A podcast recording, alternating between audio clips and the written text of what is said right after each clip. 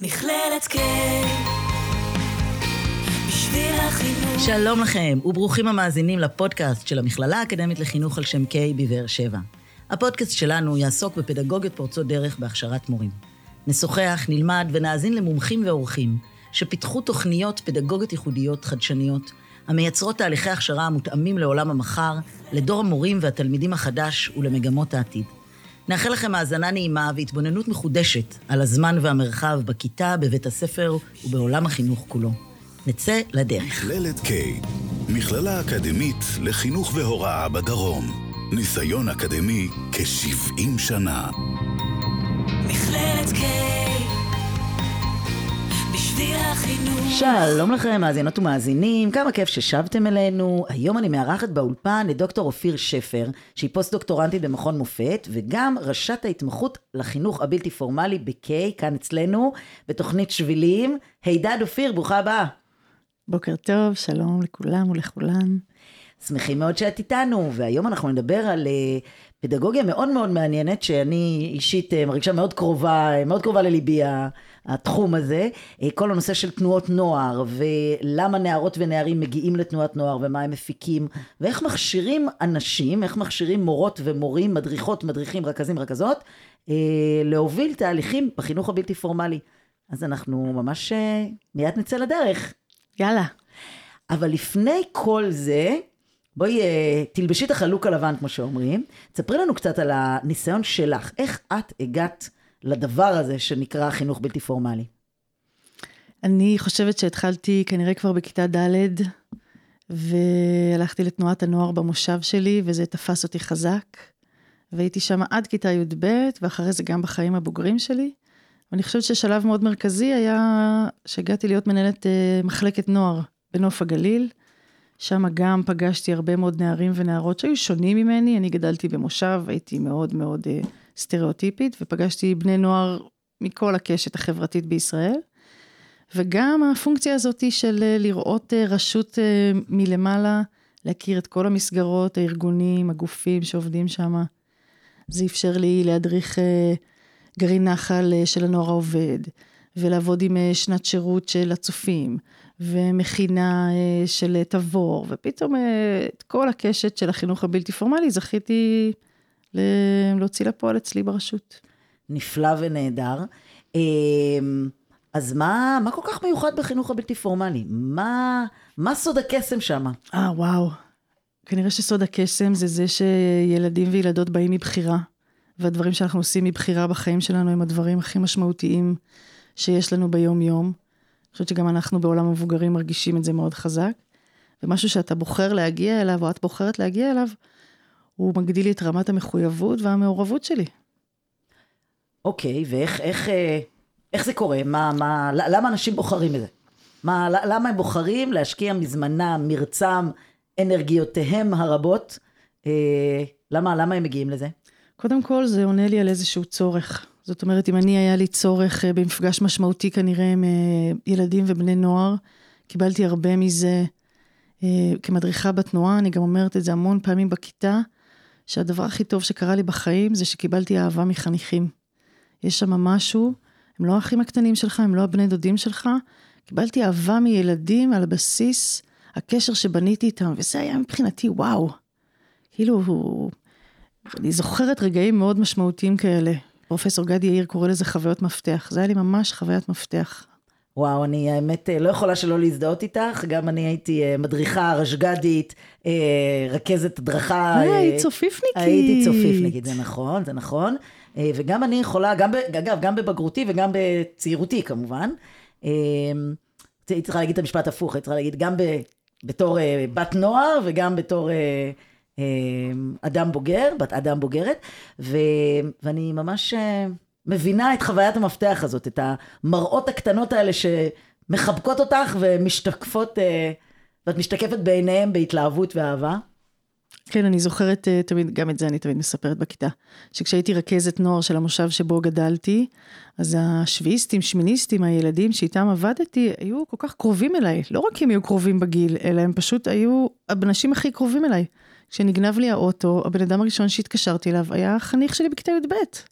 ואת אומרת, וואו, איזה עומק של קשרים אנחנו יוצרים, וגם, תחשבי בשביל הצד השני, מי שנמצא שם בכיתה י"א, שיש לו מבוגר או מבוגרת צעירים בגיל 24, שכל כך משמעותיים בחיים שלו, איזה, כמה כוח זה נותן. אז, אה, אז בחירה ומפגש משמעותי, ומה עוד? מענה על הצרכים ותגמולים מיידיים. זאת אומרת, מה תחומי העניין שלי, אני יכולה להביא אותם לידי ביטוי.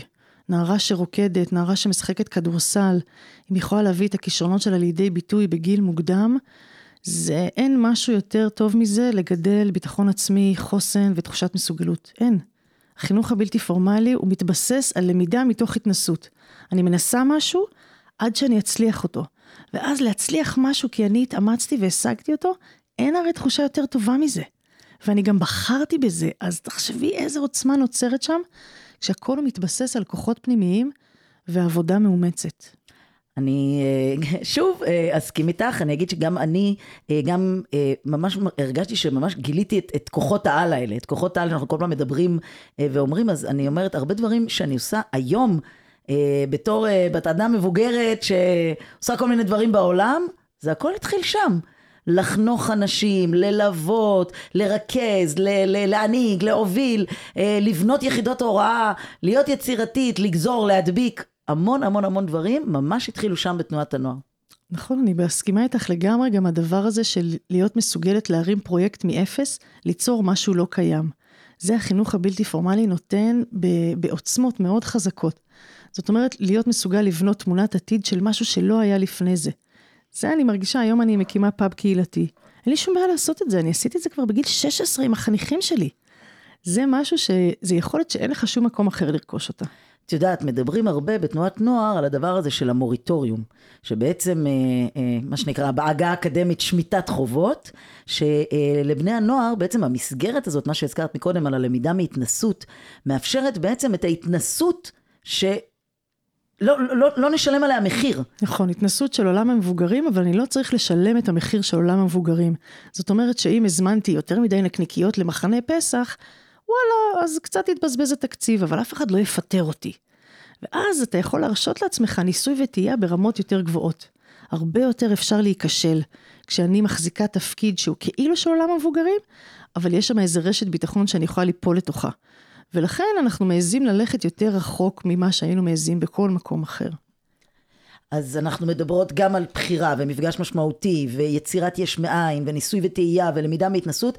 אה, אני באמת מרגישה שזה שדה והזדמנות אדירים, אדירים פשוט, אה, והלוואי ובאמת וכל ילד או ילדה, נערה ונער יביאו את עצמם לתנועת נוער. ואת רוצה להוסיף על זה עוד משהו לפני שאני... אני רוצה להגיד עוד משהו אחד שהוא יתחבר גם לחלקים נוספים, נוספים בשיחה שלנו תכף, זה שהיום אנחנו מדברים הרבה מאוד על אה, מנהיגות השתתפותית. זאת אומרת, איך אנחנו מאפשרים לילדים ובני נוער לקחת חלק גדול יותר בתהליכי קבלת החלטות, כי אנחנו מבינים שיש להם זכות להשפיע על החלטות שמתקבלות בעבורם, ועוד יותר מזה, למידה דמוקרטית סופר חשובה מתרחשת בזירות שבהן אנחנו מאפשרים להם להיות חלק. להשפיע על המדיניות, להשפיע על עיצוב תהליכים חינוכיים, שבסוף הם חווים אותם. זה גם הרבה יותר נוכח היום בשיח.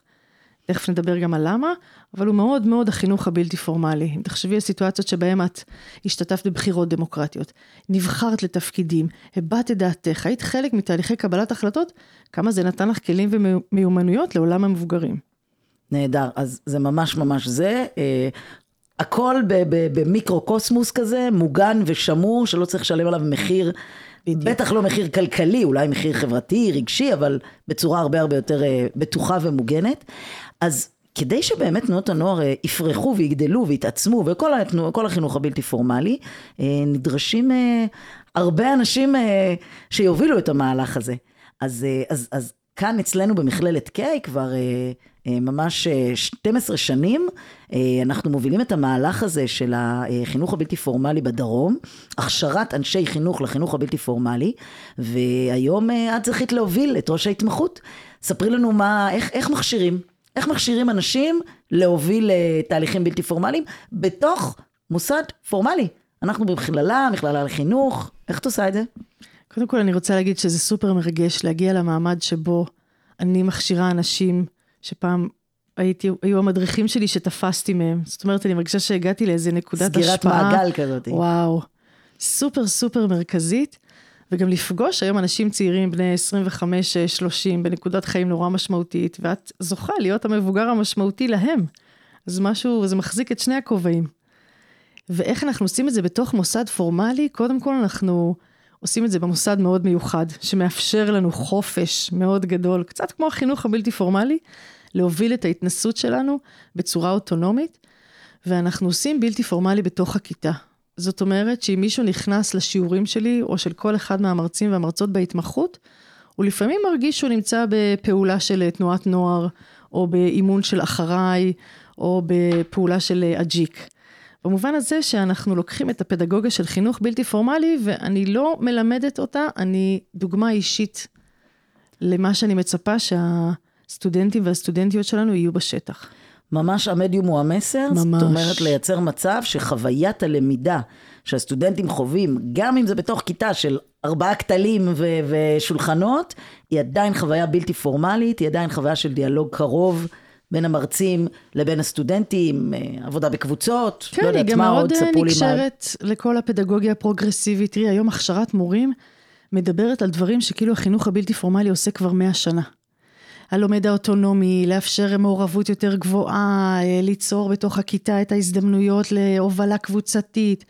אז כל הדברים האלה הם חינוך בלתי פורמלי. תמיד אני אומרת, אה, המציאו את ה-PBL, בסדר, למידה מבוססת פרויקטים, אבל כולנו כבר עשינו PBL במחנה קיץ בצופים לפני 30 שנה, אז בואו, הגלגל כבר היה קיים. אז איך אנחנו עושים את זה בתוך הכיתה? אנחנו, האמת שזה מאוד מאוד מגוון. כל אחד מהמרצים, אני מאפשרת לו חופש מאוד מאוד גדול, לדחוק את ההתנסות הזאת כמה שיותר. ואני בעצמי ממש, אה, המילה לדחוק היא באמת המילה הנכונה. תאתגרו ותעזו ל- לשלב בתוך הכיתה שלכם פדגוגיות הכי מוגזמות שאתם מסוגלים.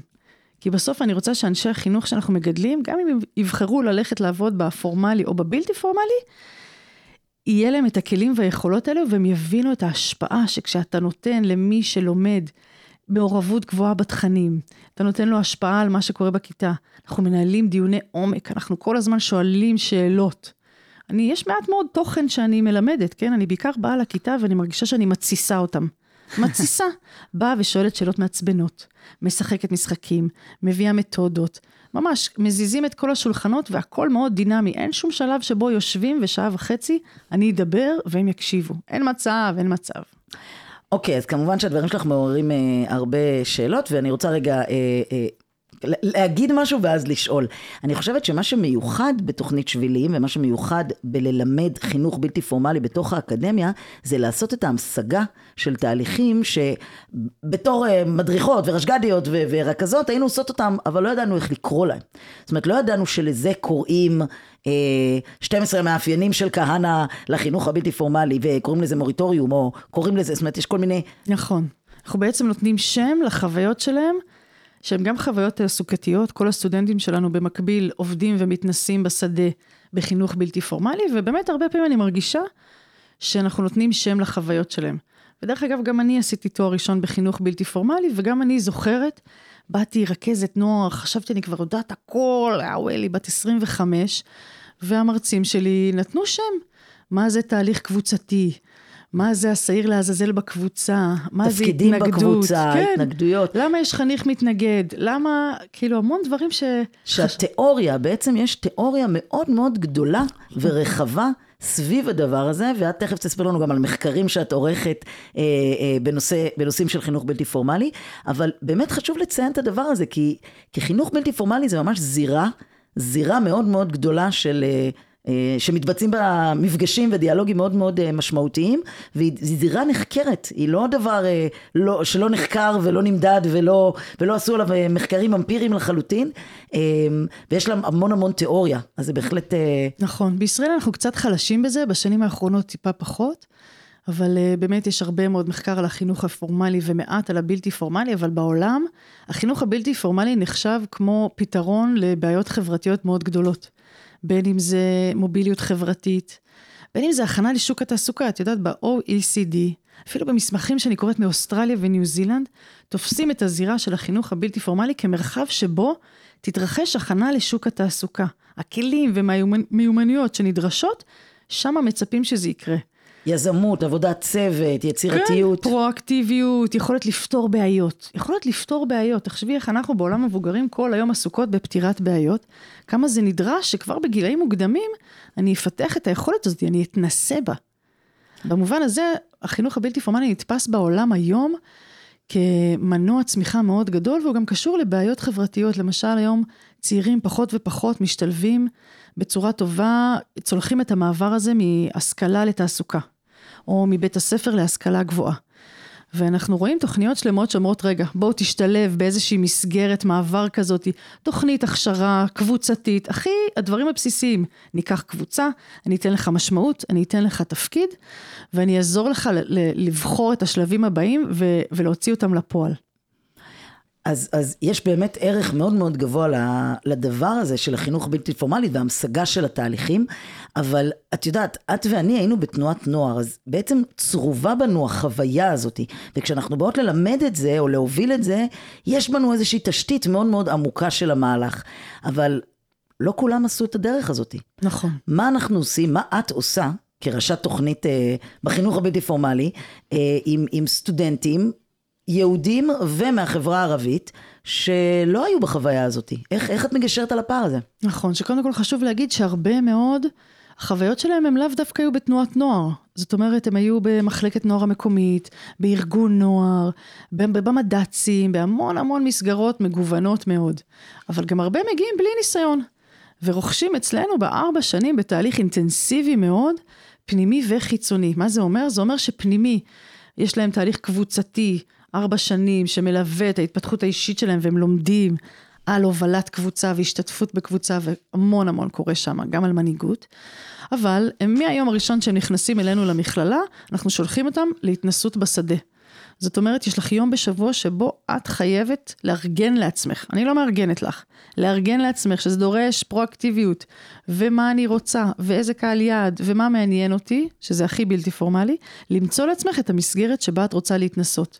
בין אם זה ביחידת קידום נוער רשותית, בין אם זה בפנימייה, את רוצה להגיע לחוגי סיירות, מה שמתאים לכם, אנחנו נקבל את זה בתור התנסות, כל עוד יש לך קבוצה להוביל איתה תהליך שנתי. ואז את זה אנחנו מלווים ב... ב... פה בתוך המכללה. זאת אומרת, הסטודנטים מגיעים לכאן, לומדים, יושבים בכיתה, מקבלים שם לחוויות שלהם, יוצאים, עוברים התנסות, אבל גם חוזרים אלינו, ובסדנה דידקטית ממש מעלים את הדילמות, את ההתלבטויות, את השאלות הכי בסיסיות, שאולי את כבר בגיל 16 קיבלת כבר איזושהי יכולת להתמודד בעבודה עם הורים, אבל הם נגיד היום פעם ראשונה, היה להם איזושהי אינטראקציה עם הורה שהתקשר והם לא ידעו מה לעשות, והנה, כאן אנחנו מגשרים על הפערים האלה, ואחרי ארבע שנים אנחנו מוציאים אה, אנשי ונשות חינוך בלתי פורמלית, שאני יכולה לחתום על כל אחד ואחת מהם כ-qualified לתחום. אז אה, אה, הידד ונפלא, נשמע אה, משמח מאוד. אז הזכרנו מקודם את סוגיות המחקר. ספרי לנו קצת, איזה מחקרים ככה נמצאים היום ב, בליבו של השדה הבלתי פורמלי, או ככה בראש הנושא הזה? האמת שהיום בעיקר, גם בעולם וגם בישראל, עסוקים בשאלה הזאת של איך חינוך בלתי פורמלי מצמיח חוסן בקרב ילדים ובני נוער, בטח אחרי תקופת הקורונה. אבל גם השאלה המהותית והכי גדולה, שהיא שאלת החינוך, איך חינוך מצמצם פערים חברתיים, איך חינוך מאפשר לאנשים להגיע מנקודה אחת לשלוש מדרגות מעלה. עכשיו, אנחנו יודעים שבישראל אנחנו די גרועים בזה. שזה מעניין שאת אומרת חינוך, כי תמיד היו אומרים השכלה. זאת אומרת, תמיד היו אומרים, ההשכלה היא הסולם שבעזרתו אפשר אה, לטפס במעמדות החברתיים. גם ואח... אני ואת יודעות שהיום זה לא נכון. שגם מי שמסיים תואר ראשון לא עלה במעמד החברתי שלו ולא בהכרח זה פתח בעיניו. אה, אפשרויות נוספות או שרמת ההכנסה שלו תעלה. אני, אני, אני גם כמובן הסכמתי איתך, אני פשוט רוצה אה, ככה שנעיר את זה בזרקור גם למאזינות והמאזינים שלנו, שזה מעניין שאת משתמשת במושג כיצד חינוך יכול להוביל למוביליות חברתית, כי עד כה היו אומרים השכלה, והיום אנחנו מבינים שזה הרבה הרבה יותר רחב. כיצד החינוך הבלתי פורמלי יכול או מצליח, למרות האתגרים הרבים, לקדם מוביליות חברתית, אם בכלל. אוקיי, okay, אז היום יש לנו הרבה מאוד ארגוני נוער. נוער ותוכניות שגם המדינה תומכת ומממנת, וגם קרנות מאוד גדולות, שמצליחות לקחת אה, קהלים שפעם לא היו משתתפים בחינוך הבלתי פורמלי בכלל, והיום בעוצמה מלאה. בני נוער אה, ערבים, בני נוער חרדים, הרבה מאוד, את יודעת, ארגון הנוער או תנועת הנוער הכי גדולה בארץ היא בנות בתיה. זה ארגון חרדי לחלוטין, רק של נערות וילדות. אם היית שואלת לפני 30-40 שנה, זה היה מערכת מאוד מאוד הומוגנית. אה, קיבוצניקים, מושבניקים. היום אנחנו רואים כמעט את כל החברה הישראלית משתתפת בתוך החינוך הבלתי פורמלי, מה שאומר שאנחנו גם יכולים להניח שעוד עשר שנים אפילו נראה עוד יותר. לדוגמה, לפני עשר שנים כמעט לא היית רואה אה, נערות מהחברה הערבית משתתפות בפעילות של חינוך בלתי פורמלי. ההורים לא תמכו בזה, זה היה נחשב בזבוז זמן. קפיצה קדימה, עשר שנים אחר כך, היום אה, נערות הן רוב בחינוך הבלתי פורמלי בחברה הערבית. אז אנחנו יכולות להגיד שיש שינויים מאוד משמע, משמעותיים, ובטוח שההשפעה הטובה של החינוך הבלתי פורמלי נוכחת גם בקהלי היעד האלה. אבל עדיין יש לנו המון עבודה לעשות. תספרי לי עוד קצת על הנושא הזה של ההבדלים בין נערות ונערים. אה, אה, כמו שאת אומרת לנו על הנערות הערביות, ספרי לי עוד קצת על, על, על ההתמדה ועל הנחישות, והאם יש יותר נערות או יותר נערים, איך זה עובד? אז במחקר שלי באמת זו שאלה שאני הולכת איתה, וואלה, כבר 15 שנה. שרואים, אה, בכל שנה אנחנו רואים עלייה, קודם כל יש עלייה במספרים של המשתתפים והמשתתפות שמגיעים לחינוך בלתי פורמלי, שזה נהדר, נכון? היינו רוצים לראות בכל שנה יותר ילדים ובני נוער לוקחים חלק. אבל אנחנו רואים עלייה במספרים של נערות יותר מנערים. וככל שעולים בגיל, יש שם איזו שליטה כמעט מוחלטת של נערות. מה זה אומר? זה אומר, זה מלמד אותנו שני דברים. א', שיש איזושהי התאמה בין מה שהמסגרות החינוך מציעות לנערות, נכון? כי זו מערכת, מערכת מבחירה. אני צריכה לא רק לבחור ביום הראשון לבוא, אני צריכה כל שבוע לבחור מחדש. יש פה משהו שנקרא בחירה מתמשכת. עם החניכים שלי הכנתי פעולה נורא מושקעת, ואז החניכים שלי חירבו לי אותה, אני צריכה שבוע הבא לבחור לבוא שוב. אז אם בכיתה י', י"א, י"ב, אני עדיין נמצאת בחינוך הבלתי פורמלי, כנראה שיש שם משהו שמאוד מתאים לי ועונה על הצרכים שלי. והיום במספרים אני לקחתי נתונים לפחות מעשרה ארגונים הכי גדולים בארץ שעושים חינוך בלתי פורמלי. ביקשתי מהם את הנתונים המספריים של כל הגילאים מכיתה ט' עד י"ב, זה 15 עד 18. אחרי זה פניתי לכל מסגרות ההמשך, שנות שירות, מכינות, 18-19, ואפילו מהארגונים עצמם לספר לי מי חוזר לעבוד אצלם. ואנחנו רואים מקומות שבהם יש אפילו 70 אחוז נערות, 30 אחוז נערים. וואו. מקומות uh, בחברה הערבית, יש ארגונים שכמעט אין נערים בכלל. אז מה זה, מה זה בעצם מלמד אותנו? זה מספר לנו משהו על ההתאמה של המסגרות האלה לנערים. אבל זה מספר לנו סיפור חברתי יותר גדול, כי בעצם החינוך הבלתי פורמלי בישראל, הוא תמיד היה כרוך גם בקשרים שלו עם הצבא. זאת אומרת, זו מערכת שהכינה אותי לתפקיד בצבא. תמיד אמרו, נכון, תהיי מדריכה בתנועת נוער, זה אחרי זה את ישר הולכת לתפקיד הדרכה בצבא. אותו דבר לנערים. תנועות נוער תמיד היו גוף שמכין אותך להיות מפקד בצבא. זה התגמול העתידי הקרוב. היום זה פחות, סטטוס פחות יוקרתי. זה השתנה ממש, כן. כן. זה לא יוקרתי ללכת לקרבי, יוקרתי ללכת ל-8200, ובשביל ללכת ל-8200 אני לא צריכה ללכת לצופים. אז יש משהו בתגמולים, במה יוצא לי מזה, שזו בעצם השאלה שבני נוער שואלים את עצמם. מה יוצא לי מזה שאני יוצא מהבית בארבע אחרי הצהריים והולך להדריך קבוצת ילדים? זאת אומרת, התגמול המיידי שהזכרנו אותו בהתחלה, החיבוק של החניכים וכל הדבר הזה, את אומרת, זה לא מספיק? או שזה מספיק לנשים ולנערות יותר מלנערים? זאת הטענה? אז אנחנו רואות, אני לא רוצה לטעון טענה סטריאוטיפית, אבל אני רוצה להגיד, תראו, היום יש יותר ויותר כניסה של קהלי יעד חדשים, ואנחנו רואים שמי שנכנס ומתמיד זה נערות. וככל שעולים בגיל, נערים פחות מתמידים. הם נושרים הרבה יותר מהר, הם יוצאים פחות לשנת שירות, הם מתמיינים פחות למכינות קדם צבאיות, הם בוחרים פחות לחזור אחרי זה לעבוד בארגונים. אז יש פה איזושהי שרשרת השפעה ארוכה מאוד, וכנראה שהתשובה היא שיש שם משהו שלא עובד בשבילם, שהמתודה שאנחנו מציעים היא לא עובדת בשבילם. ואנחנו צריכים לחשוב איזה עוד מתודות אפשר להציע. עכשיו, אני רואה את זה, אני רואה את זה בהשוואה לארצות הברית, ששם יש הרבה מאוד ארגונים שכן מצליחים לסחוף נערים בכמויות, אבל הם עוסקים יותר בחברה אזרחית. והרבה יותר באקטיביזם, והרבה יותר היום סביב קיימות, סביב אקלים, סביב אה, המון מאבקים חברתיים שבני נוער נמשכים אליהם. אז אני רואה קבוצות גדולות של נערים שכן מתמידות, וארגונים שאני בקשר איתם לא חשים, לא רואים את התופעה הזאת. אבל בארץ, אני קצת מחזיקה את הדגל הזה ואומרת, רגע, שימו לב, כי אם נערים מפסיקים לבוא, אז הסטטוס והיוקרה יורדים עם השנים. וזה מערכת... שזה משפט עצוב בפני עצמו. נכון, כי מערכת שמבוססת על זה שבני נוער יבואו מבחירה, חייב להיות לה איזשהו סטטוס יוקרתי. זה חייב להיות cool. אם זה לא cool, אז לא יבואו. אה,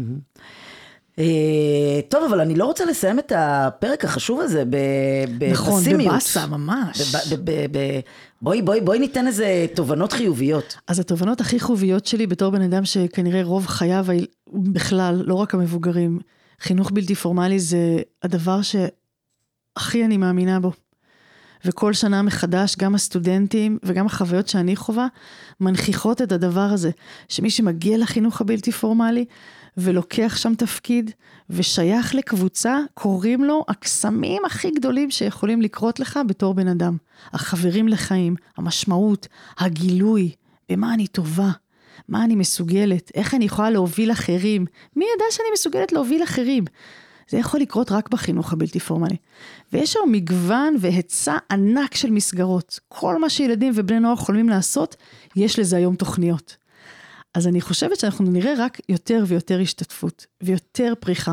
ואני מרגישה שגם במשרד החינוך אנחנו רואים איזושהי תזוזה תקציבית שגם יותר מביאה תמיכה וממסדת ואומרת, רגע, זה חשוב לנו. אנחנו רואים את הערך החברתי מאוד גדול של מי שהיה בחינוך הבלתי פורמלי, יש לו את זה. נכון, אנחנו אומרים יש לו את זה. אז את היש לה את זה, או יש לו את זה, אנחנו נמשיך לעבוד חזק מאוד, כדי א', כאן ב-K להצמיח אנשי ונשות חינוך שמאמינים בזה באמונה מלאה ועושים בזה קריירה. וגם אנחנו נראה יותר ילדים וילדות שאנחנו נפגוש אותם ונגיד, אה, ah, יש לך את זה, איזה יופי. איפה היית? באיזה מסגרת? תודה רבה רבה לך, אה, דוקטור אופיר שפר. אה, תודה רבה גם לחגי גלילי, העורך שלנו באולפן, ותודה רבה למרכז אדם על ההקלטה באולפן. תודה לכם מאזינות ומאזינים, ואני אה, מאחלת לכם ששלחו את הילדים שלכם. לטעום, אה, לטעום את הקסם הזה. אין יותר טוב מזה, אין. תודה, כל טוב.